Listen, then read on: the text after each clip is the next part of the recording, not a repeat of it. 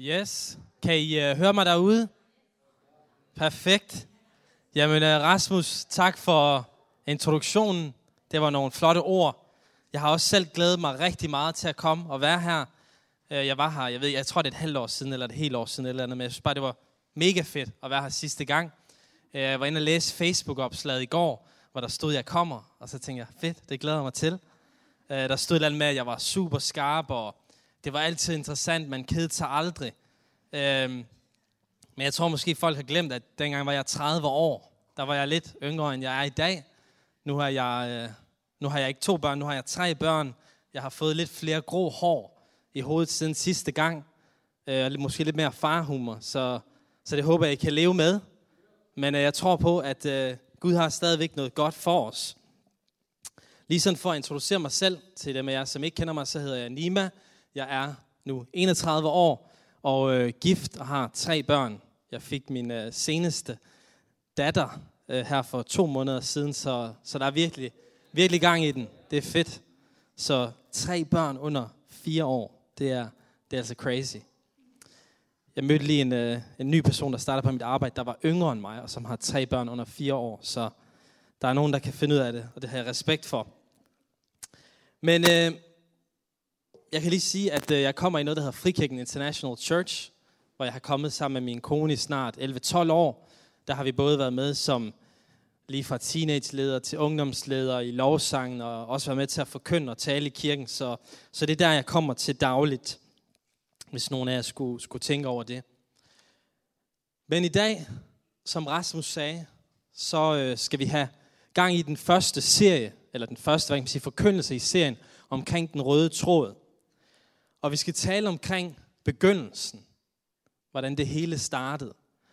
Og jeg kom til at tænke lidt på det her øh, med begyndelsen. Altså hvorfor er det hele verden startede? Hvordan skete det? Og, og hvorfor er vi her? Og nogle gange så tænker man sådan lidt, hvorfor er det egentlig vigtigt at vide? Altså hvis jeg for eksempel sidder og, og ser en fodboldkamp i fjernsynet, øh, så er det sjældent, at jeg spørger mig selv, hvorfor er det egentlig, vi ser fodbold?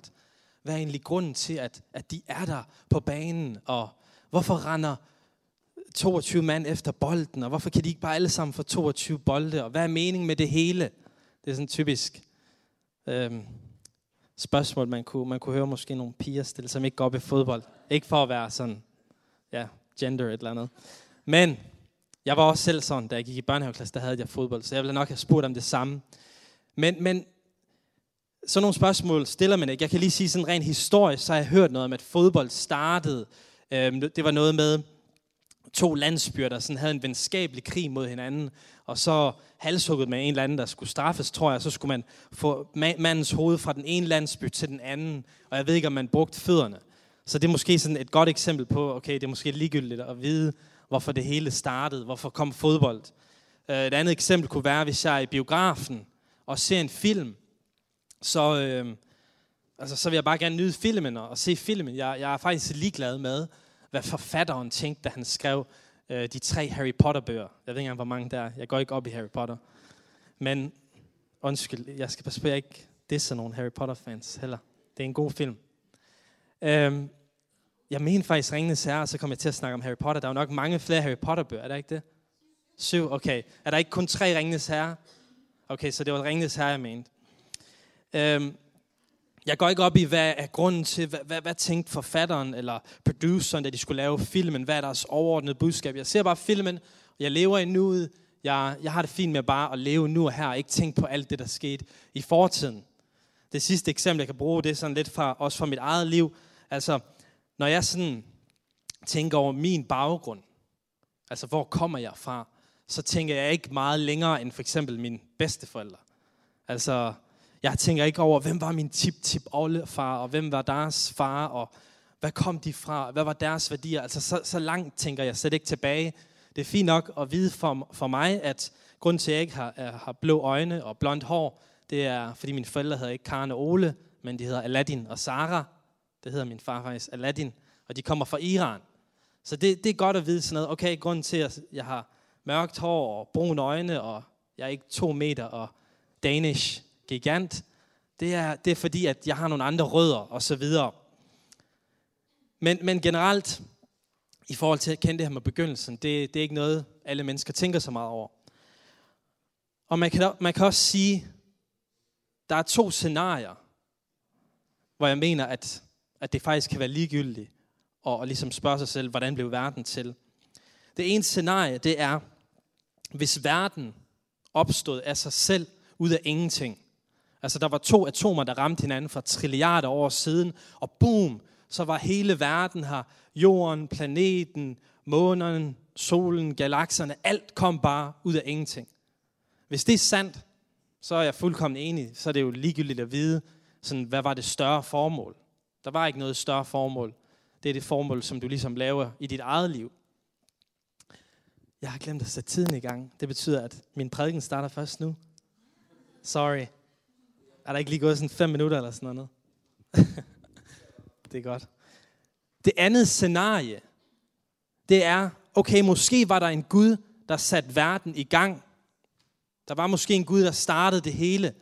Men lige siden han startede verden, så har han bare siddet sådan her i himlen, hvor han chiller, ligesom de gør her på sofaerne her.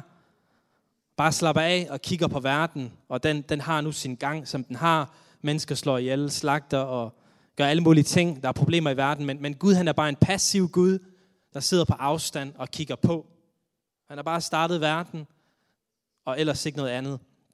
Hvis det er sandheden, så er jeg også helt enig, så er det fuldkommen ligegyldigt at vide noget omkring begyndelsen. Hvorfor er vi her? Hvorfor startede det hele?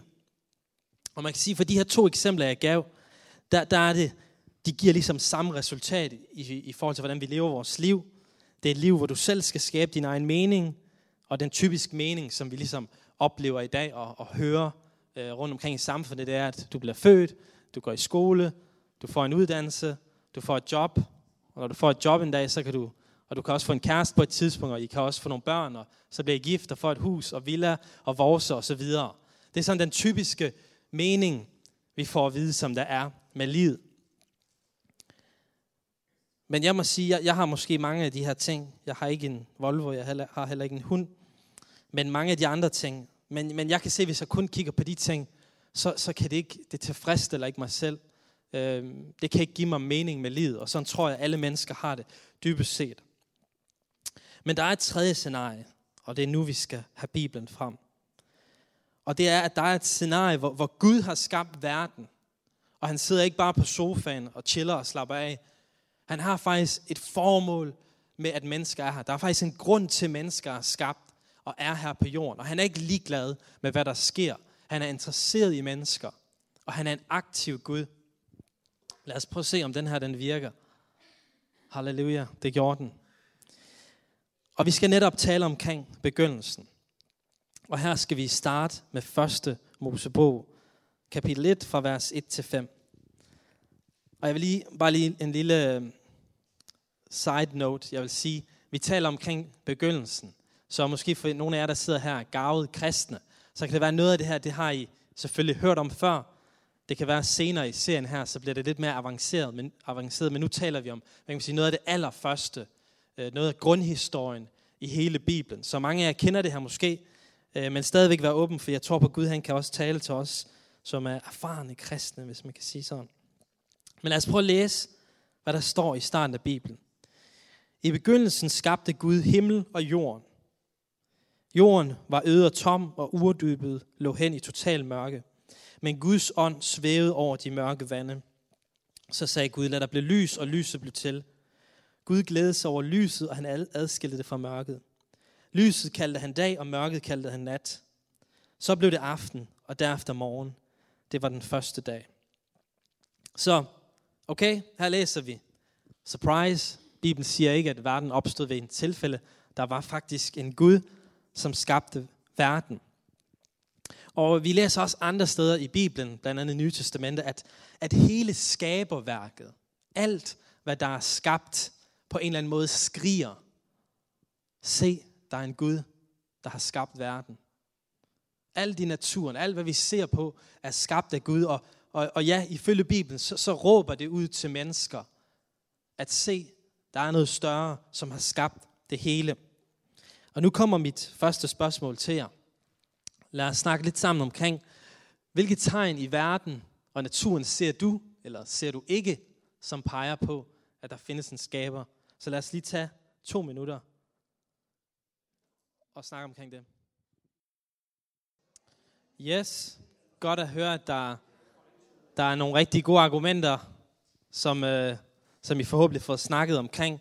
Men bare lige for at tage et meget, meget simpelt eksempel her. Hvis jeg lige lægger min mobil her ned og forestiller jer, at jeg går en tur ud i byen og kommer forbi min, min mobil, eller den her mobiltelefon, som ligger der. Og så siger jeg til mig selv, wow, prøv lige at se den der mobiltelefon. Der var, der var et stykke metal fra den der skraldespand, som ramte sammen med noget glas fra det der knuste glasskår. På et eller andet tidspunkt, hvor der havde været en kæmpe orkan eller vind, og så boom, så er det ramt sammen. Og så opstod den der mobiltelefon. Jeg tror, de fleste af jer vil ikke tro på det. I tænker, det er, det er lidt for crazy, det kræver lidt for meget tro, og tro på, at den der mobiltelefon er opstået ved et tilfælde. Den er ret kompleks, der er ret mange, ret mange komponenter, og det hele skal bare sidde i skabet, for at det fungerer. Men alligevel så ser mennesker på hele verden, verden, på universet, på hele skabningen, som er milliarder gange mere kompleks end der telefon, og tænker, at det hele er opstået ved et tilfælde. Altså, jeg tror, man siger, at man, man ved mere om øh, månen, end man ved om menneskets hjerne, fordi menneskets hjerne er så kompleks. Der er så mange ting i naturen, som, som bare er enormt komplekse skabt. Og det, det er nærmest umuligt at forestille sig, at det er opstået ved et tilfælde. Og, og det her med bare at tro på, at Gud har skabt verden. Jeg tror nogle gange som kristne, der, der er det sådan noget, når vi sidder i vores gymnasie, og, og, og snakken falder på Gud og sådan noget, så kan vi nogle gange godt blive sådan lidt pinlige over, uh, jeg tror på Gud, og hvornår skal jeg sige til dem, at, at jeg også tror på Gud har skabt verden, og, og vi er bange for, at folk synes, vi er dumme og så videre. Men jeg tror på, at som kristne skal vi være stolte over, at vi tror på, at Gud har skabt det hele. Det giver fuldkommen god mening. Og, og der er masser af god videnskab, som peger på, at der må være noget, noget større bag, altså, ja, det er simpelthen for komplekst til, at det opstod af sig selv. Så vi må godt tro på det, når Bibelen faktisk siger her, at det startede, det hele startede med, at Gud han skabte verden. Det kræver langt mere tro, at det opstod ved et tilfælde. Men, men så er spørgsmålet stadigvæk, sat Gud bare verden i gang, og så, øh, så satte han sig bare der på sofaen og slappede af? Eller havde Gud et formål med menneskers liv? Er han en aktiv Gud? Og lad os prøve at læse videre, hvad der står her i første Mosebog. Der står, så sagde Gud, lad os skabe et levende væsen, der ligner os. Det skal herske over alt dyrelivet, fiskene i havet, fuglene i luften og de tamme og vilde dyr på jorden. Der skabte Gud to mennesker, som lignede ham. De blev skabt som mand og kvinde. Gud velsignede dem og sagde, former jer og bliv mange, bred jer over hele jorden og tag den i besiddelse. Her skal over fiskene, fuglene og alle de andre dyr på jorden. Og der står også i vers 31, at, at Gud betragtede nu hele sit skaberværk, og han var ovenud tilfreds med det. Så først og fremmest så læser vi, at Gud han skabte verden, men han havde også et formål med, øh, at mennesker var her. Og ikke nok med det, der står så, at Gud han velsignede dem. Så det vil sige, at han sendte alt det gode hen imod mennesker. Han, han gav dem hans kærlighed. Han ønskede fællesskab med mennesker. Han ønskede ikke bare at tage afstand og lade mennesker klare sig selv.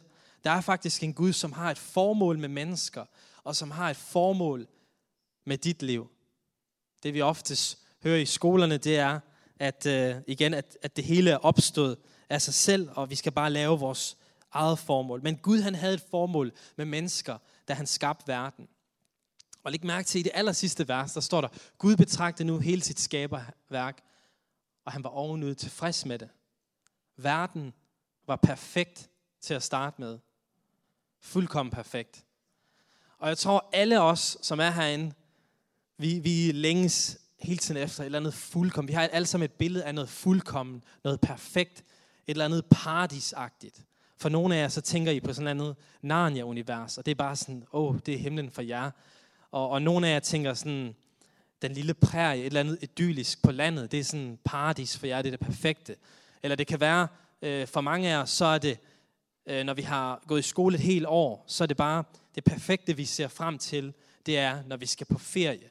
Eller det perfekte kommer den dag, jeg bliver gift og finder den rette mand eller den rette kone. Så bliver mit liv bare sådan fortryllet og, og et eventyr. Vi, vi længes alle sammen efter noget perfekt. Øh, lige sådan en egen historie fra mit, øh, fra mit eget liv. Øh, der var et tidspunkt, hvor vi skulle øh, på ferie, mig og min kone, om på det tidspunkt to børn. Vi skulle til, øh, til USA en måned, og det har vi glædet os rigtig, rigtig meget til. Vi skulle på roadtrip og bare have en masse gode burger fra det forjættede land, USA. Og øh, vi havde set frem til det, vi havde sparet op til det, og, og det var bare sådan det, vi arbejdede hen imod. Det var målet om, at nu skulle vi på den her fede ferie en måned til USA. Og morgen kom, hvor vi skulle afsted. Vi skulle hvad havde det været i lufthavn, klokken 4 om morgenen i Aalborg Lufthavn. Og øh, vi havde bare bilen pakket med ting, der skulle ud af bilen, og børn ud af bilen, og vi skulle også have, en, have autostol med, øh, og barnevogn og sådan noget.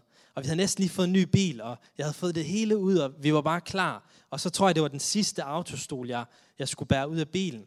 Og så den der Isofix, den der man sætter fast i bilen, den kom jeg til at skrabe hen over vores næsten nye bil, så jeg fik sådan en lang, lang ris her på min nye bil. Så, så jeg sad der på flyet på vej til min perfekte rejse, og følte, at jeg havde sådan en ris på mit hjerte.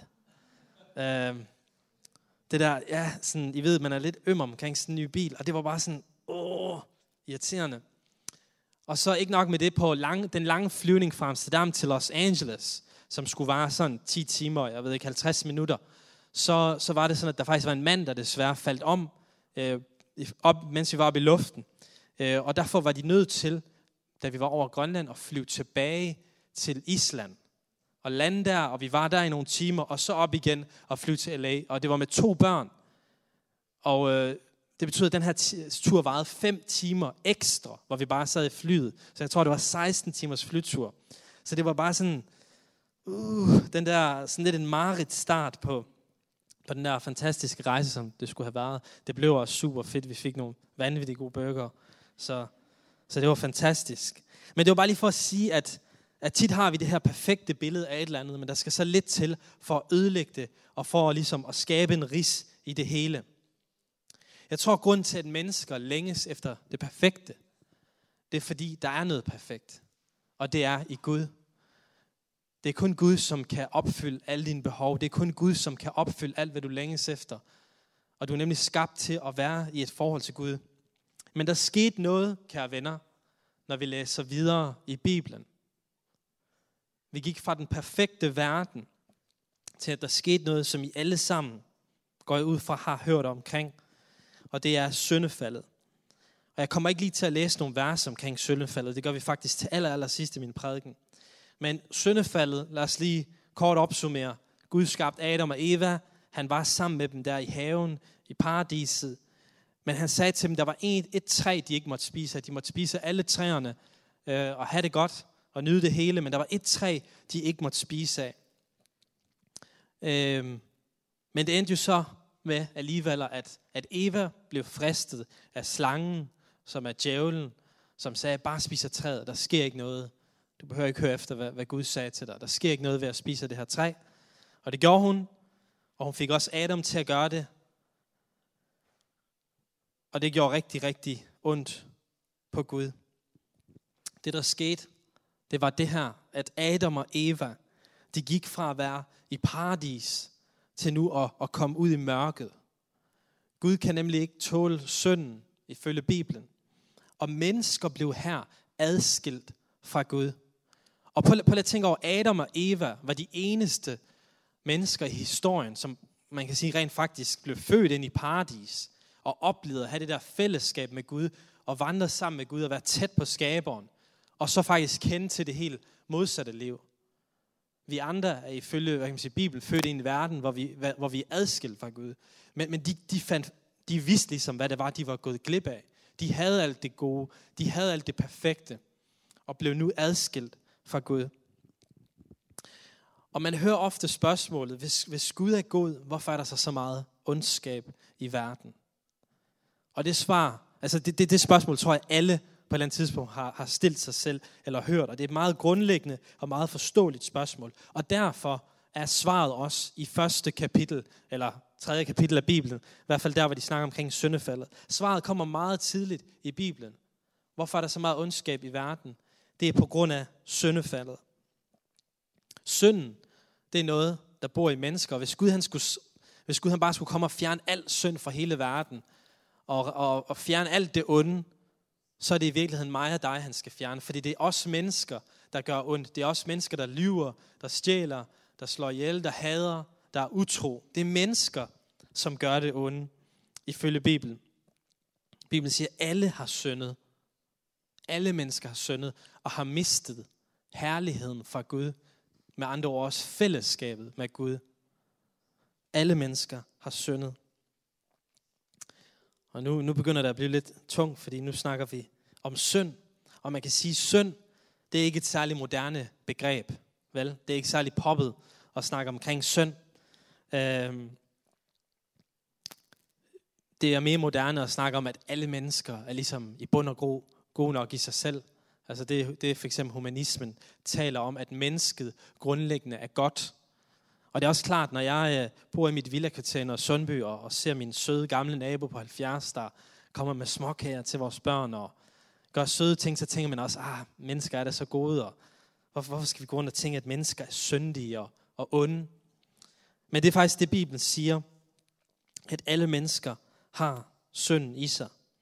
Og en ting er selvfølgelig, hvad man viser udad til, og en anden ting er, hvad der er her i hjertet, som Gud selvfølgelig ser blandt alle, alle mennesker. Og øh, som kristen, så er vi ikke kaldet til at prædike, hvad der er populært, men vi er prædiket til at, eller kaldet til at prædike sandheden i kærlighed.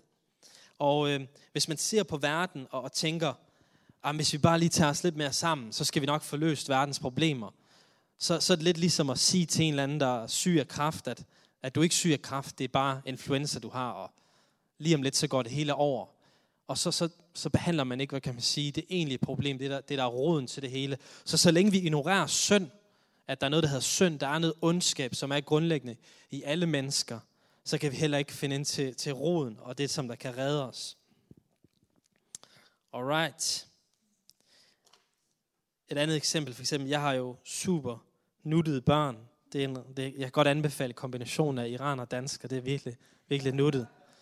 Øhm, men selvom de er så cute og søde, så har jeg bemærket, at, at selv børn har generne til at sønde og gøre noget ondt.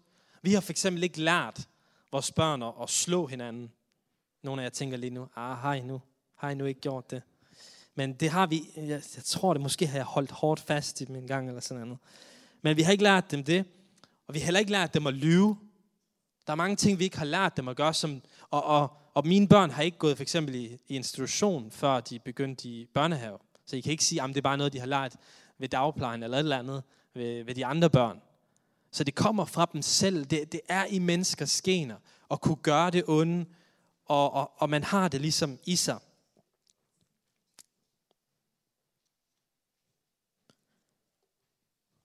Har lige et andet billede, jeg vil vise her. Fordi det værste ved synden, det er ikke man kan sige, alle de ting, vi gør, som er forkert. Det værste det ved synd, det er det her med at blive adskilt fra Gud. Adam og Eva var i haven, men var nødt til at blive, blive adskilt fra Gud. Og man kan sige, at alle mennesker bliver født ind i verden på den her måde. I har alle sammen set en fisk, der ligger på landet og spræller. Og vi ved også alle sammen, at når den ligger der, så gør den det måske, jeg ved ikke, i 10 minutter, og så dør den. Eller jeg ved faktisk ikke, hvor lang tid en fisk kan holde sig. Men vi ved alle sammen, det er ikke det, den er skabt til. Og hvis fisken lå der, eller ligger der, og bare tænker, det her det er livet, det er fedt, jeg skal bare nyde det, mens jeg har det, så har den ikke forstået, øhm, hvad det virkelig var skabt til, hvorfor den er her, og hvad er hele formålet med livet. Vi var skabt til at være i vandet, hvis man skal tage det her fiskebillede. Vi var skabt til at have et personligt forhold med den Gud, som har skabt os, og som elsker alle mennesker. Han er interesseret i alle jer, som sidder her i dag og ønsker fællesskab med jer. Han ønsker at have et forhold til jer. Og lad os lige tage det næste spørgsmål, for lad os snakke omkring, hvordan påvirker det dig, at Bibelen siger, at alle mennesker er ligesom ramt af syndefaldet? Gør det dig deprimeret som, som kristne tænker, eller ja, hvad tænker I øh, i forhold til det her? Lad os tage to minutter. På grund af tiden, så lad os bare lige fortsætte lidt endnu. Jeg håber, I har haft nogle gode snakke rundt omkring. Men i hvert fald, når man ser ud over verden, så, så er det ligesom en realitet, at synden er over alt, og, og verden ikke er perfekt, og er, er ligesom ramt af syndefaldet. Og, og for lige at gøre det lidt mere deprimerende, så, så lad os lige prøve at læse lidt videre omkring, hvad der sker efter syndefaldet. Hvad er konsekvenserne af syndefaldet? Og vi læser om Adam og Eva, de fik to drenge, Kain og Abel. Og prøv at se, hvor godt de havde det sammen. Der står, en dag sagde Kain til sin bror, Abel, lad os gå en tur på marken. Mens de var derude, overfaldt Kain sin bror og slog ham ihjel. Så spurgte Gud Kain, hvor er din bror Abel? Hvor skulle jeg vide det fra, svarede Kain. Jeg skal vel ikke gå og holde øje med ham. Men Gud sagde, hvad har du dog gjort? Din brors blod råber til mig fra jorden. Derfor skal du forvises fra jorden, som har drukket din brors blod. Den skal ikke længere give dig føden. Fra nu af skal du vandre hvileløst fra sted til sted. Så her læser vi faktisk om verdenshistoriens allerførste mor, der bliver begået. Allerførste mor. Det er to brødre, og forhistorien er, at Kain bliver meget, meget misundelig øh, på Abel. I kan selv gå hjem og læse lidt omkring, hvorfor, men, men vi går ikke for, meget, for, for dybt ned i det. Men Kain blev enormt misundelig på Abel, og endte med at slå sin bror ihjel. Det var det første mor. Det var konsekvensen af syndefaldet. Og lige siden det, og vi bare kigger ud i verdenshistorien, og helt indtil i dag, jamen så, så har vi masser af konsekvenser af syndefaldet i vores verden. Vi har, vi har stadigvæk nød, vi har stadigvæk fattigdom, vi har stadigvæk krig, vi har stadigvæk masser af problemer i verden. Der er ikke noget af det her, der er løst igennem tusindvis af, historie, eller tusindvis af år, hvor mennesket har eksisteret. Der har stadigvæk ikke været en eller anden genial politiker, der bare har fundet den vilde opskrift til at bare redde alle verdens problemer. Der er stadigvæk masser hvad kan man sige, af, problemer og ondskab og nød i den her verden, som vi bor i. Så det, det er ligesom bare gået ned af bakken. Og jeg ved godt, det her, det er, det er lidt... Øh, det er ikke ligesom, det er ikke sådan en romantisk komedie, de her kapitler af Bibelen. Det er lidt mere, en, mere sådan melankolisk kapitler, hvor vi går fra noget perfekt til, at det bare går ned ad bakke. Og lige lidt mere ned ad bakke her, fordi senere så læser vi omkring Noah. Og I har alle sammen hørt omkring Noah. Øh, I kapitel 6 så læser vi, at på hans tid, så, så var det her, hvad Gud han oplevede. Da Herren så, hvordan menneskenes ondskab voksede, så de hele dagen kun tænkte onde tanker, blev han ked af, at han havde skabt dem. Al den ondskab skar ham i hjertet. Jeg vil fjerne de mennesker, jeg har skabt fra jordens overflade, sagde han. Og jeg vil udrydde både de vilde og tamme dyr og alle fuglene, for jeg fortryder, at jeg skabte dem. Wow, det her det er lidt vildt. Var Gud ikke kærlig? Var Gud ikke sød? Var han ikke vild rar? Men et eller andet sted, så svarer Gud bare på den bøn, som vi alle sammen har tænkt og på en eller anden måde bedt om, at, åh Gud, vil du ikke nok gribe ind og gøre noget ved alt det onde, Gud, den der krig, der foregår i det der land, vil du ikke nok bare gribe ind og gøre noget ved det? Gud, det der, de der kæmpe problemer, der er i, i vores land, eller, eller ham der mand, der lige øh, voldtog en eller anden, og så slap afsted med det. Vil du ikke bare gribe ind og straffe den person? Gud, vil du ikke nok bare gøre noget ved alt det onde? Og jo, det valgte Gud at gøre her, konkret i verdenshistorien. Så igen, han er ikke bare en Gud, der, der sidder og chiller. Det gjorde ondt på hans hjerte, alt det onde, han så, der skete på jorden. Han ser alt, hvad der sker. Og han valgte helt konkret at træde ind i historien og gøre noget ved det. Og jeg, jeg tænker lidt på, vi tænker stadigvæk, wow, Gud han er, han er altså skrab her. Men, men hvis vi tænker sådan rent menneskeligt, altså i vores danske retssystem, hvis der er en anden, der begår et mor, og han bliver dømt og kommer i fængsel i 10 år, så tænker vi alle sammen, det er da godt, at dommeren var retfærdig, og ikke bare sagde, det er fint, bare jeg så ikke noget, eller hvis dommeren tager imod bestikkelse eller et eller andet. Vi, vi tænker alle sammen, det, vi har alle sammen en følelse af retfærdighed. Og Gud, han er, han er langt større end os mennesker, så han har ret. Han har faktisk ret til at dømme mennesker. Og det er jo det, vi egentlig alle sammen beder ham om at gøre. Når vi siger, Gud, vil du ikke nok dømme det onde?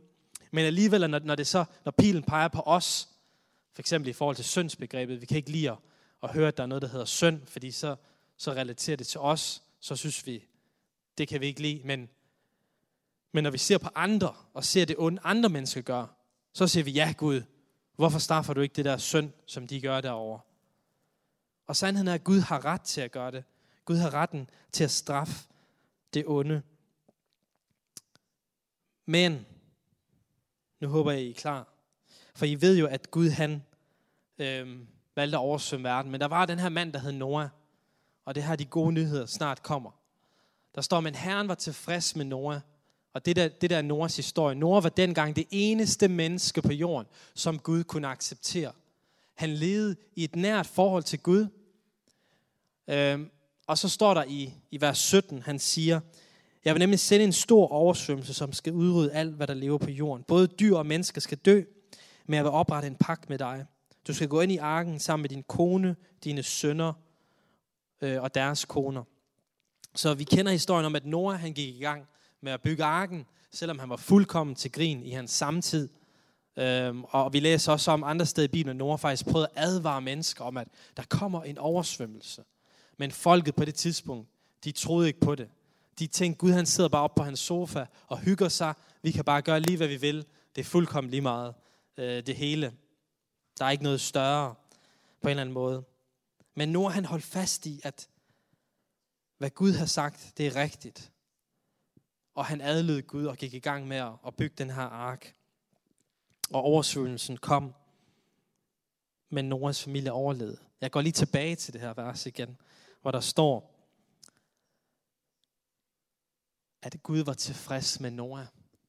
For jeg tror, når vi snakker den røde tråd i Bibelen, så tror jeg på, at Noah han var et tegn på Guds redningsplan for verden. Gud er både en Gud, som dømmer, men mere end noget andet, så er han virkelig en Gud, der ønsker at frelse og redde mennesker. Selvom han har ret til at dømme mennesker, så længes han efter, at mennesker skal opleve frelsen. Og der står, Nora var dengang det eneste menneske på jorden, som Gud kunne acceptere. Han levede i et nært forhold til Gud. Og jeg tror på, at sandheden er, at Nora var, var udvalgt af Gud som et klart tegn på en større frelser, som der skulle komme. Gud han tog ligesom Noah og sagde, okay, jeg vil bruge ham til at, at, at stadigvæk holde fast ved menneskeheden. Og han reddede Noah. Men Noah han er et klart tegn i Bibelen, tror jeg på, på en større frelser. For Noah var jo også påvirket af, af syndefaldet på en eller anden måde. Men alligevel så, så havde han en, en relation til Gud. Et nært forhold til Gud. Der er en anden mand i beskrevet i Bibelen, som levede fuldkommen. Der står her om, om, om Noah, at Gud accepterede ligesom hans måde at leve på. Men vi læser om en anden mand i Bibelen, som kom her på jorden, og som levede fuldkommen og levede 100% perfekt. Og ham skal vi snakke om lige om lidt. Men inden vi gør det, så lad os lige prøve at snakke omkring hurtigt det sidste spørgsmål, og så slutter vi også helt af efter det. Hvordan forholder du dig til en Gud, som er både dommer og frelser? Lad os tage to minutter med det. Yes, tiden løber afsted. Men jeg håber, I får nogle gode snakker omkring det. Jeg tror virkelig på, at Noah, han var, et, han var Guds måde at sige på, at, at jeg er ikke bare en Gud, som, som dømmer verden. Jeg ser det onde. Jeg ser det forfærdelige, som menneskerne gør. Og han har ret til at dømme hele verden. Men han valgte også at sige, at mit hjerte det er at redde mennesker. Så Noah var ligesom Guds redningsplan for, for menneskeheden. Men nu skal I se noget vildt. For nu går vi ligesom sådan en, en god film. Så går vi tilbage helt til begyndelsen. Øh, tilbage til hele historien omkring syndefaldet og Edens have. Fordi selvom at de her første 10 kapitler i Bibelen, de ligesom viser, puha, det går vildt skidt i starten i, i menneskehedens historie, og først med mordet, og så Noahs ark, og, og Bibelen er fyldt med masser af historier omkring, hvor, hvor slemt det går til her på jorden. Men, men vi ser Guds hjerte meget, meget tidligt i øh, 1. Mosebog kapitel 3 efter syndefaldet. Prøv at se, hvad der står her. Det er efter syndefaldet her, der siger, eller så sker der det her. Så vendte Gud sig til kvinden. Hvor kunne du dog gøre det, udbrød han. Og så gav hun så slangen skylden. Det var slangen, der lokkede mig til det, forsvarede hun sig. Og så spiste jeg. Nu talte Gud til slangen. Som straf for det, du har gjort, skal du være forbandet blandt alle jordens dyr. Så længe du lever, skal du krybe på din bu og æde støv. Jeg sætter fjendskab mellem dig og kvinden, og mellem dit afkom og hendes afkom. Du skal hugge ham i hælen, men han skal knuse dit hoved. Og man kan sige vers 15. Det er sådan en total kodesprog på en eller anden måde. Lidt ligesom et film, hvor man får en eller anden, en eller anden kode, der, der sådan dækker hele plottet i hele filmen. Og det her det er meget tidligt i Bibelen, at, at Gud giver en forudsigelse. Det der hedder en profeti omkring hans redningsplan.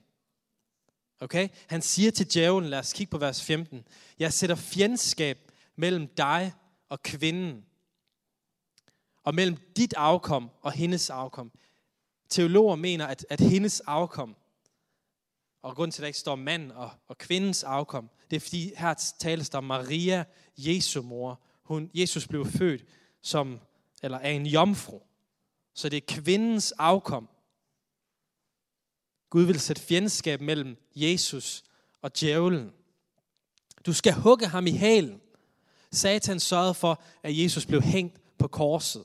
Det var Satans first strike, kan man sige. Jesus blev hængt på korset for menneskers synd, for alt det forkerte, vi har gjort. Men til sidst skal Jesus knuse dit hoved, og det skete, da Jesus han stod op efter tre dage fra graven. Så er det her ikke vildt lige efter syndefaldet, lige efter mennesker har gjort det ondeste mod Gud, og han er nødt til at sende dem ud fra paradis. Og sende dem ud, så de er adskilt fra Gud. Så med det samme, så giver han også en redningsplan. Han siger, okay satan, du fik dem, men jeg kommer til at sende en. Han bliver født af en jomfru. Du kommer til at hugge i ham. Han bliver korsfæstet. Men det slutter ikke der. Han står op fra de døde, og han skal sejre.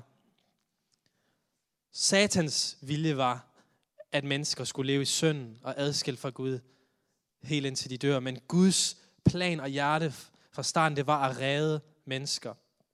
Og alle, som er her i dag, er dyrebare for Gud. Og er specielle for Gud. Og han ønsker at have et forhold til dig. Det var derfor, du blev skabt. Det er derfor, du er i verden. Det er ikke alt det andet, som verden fortæller dig er vigtigt. Det vigtigste formål, det er at kende Gud. Og det kan du på grund af, at Jesus, han sejrede over døden. Jesus, han sejrede over synden. Det, som adskiller os fra Gud. Og i forhold til det her med den røde tråd, så er Jesus den røde tråd. Nu håber jeg ikke, jeg har ødelagt jeres serie ved at afsløre det allerede her første gang. Jesus er den røde tråd. I kommer til at have flere serier, hvor I kommer til at finde ud af, at Jesus han er mange steder i hele Bibelen skjult. Måske ligesom det her. Men hele Bibelen peger på Jesus. Der kommer en frelser, som skal redde mennesker fra deres synd. Der kommer en frelser, som skal bringe mennesker tilbage til Gud. Og det er Bibelens budskab. Mic drop. Ej. Men det er faktisk her, jeg vil slutte. Og øh, jeg ved ikke, skal vi have noget forbøn nu, nu eller...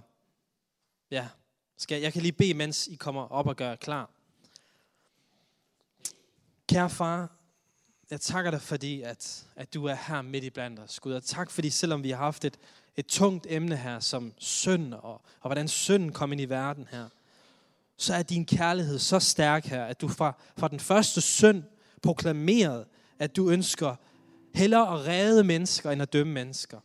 Og enhver, som vil tage imod din søn Jesus i dag, og hvad du har gjort på korset, kan få lov at blive frelst her. Og tak for, at der er mennesker til stede i dag, som du ønsker at blive frelst her.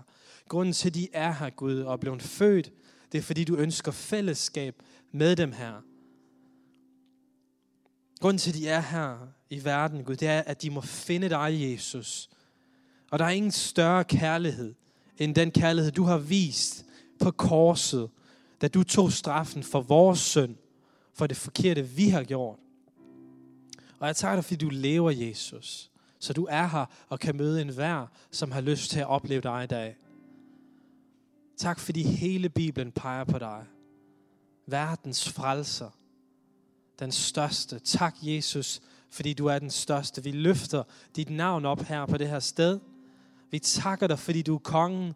Vi takker dig, fordi du er hele verdens frelser. Og som, som kristne her, der, der er vi kaldet til at, at gå ud i hele verden og gør folkeslag til dine disciple. I starten blev vi kaldet til at, at formere os, men, men dit kald til alle kristne her, det er at gå ud i hele verden, ikke at formere os. Det må vi gerne, men, men det er at formere ved at gøre mennesker til dine disciple og pege på din kærlighed. Tak, at du gør det i os nu, Jesus.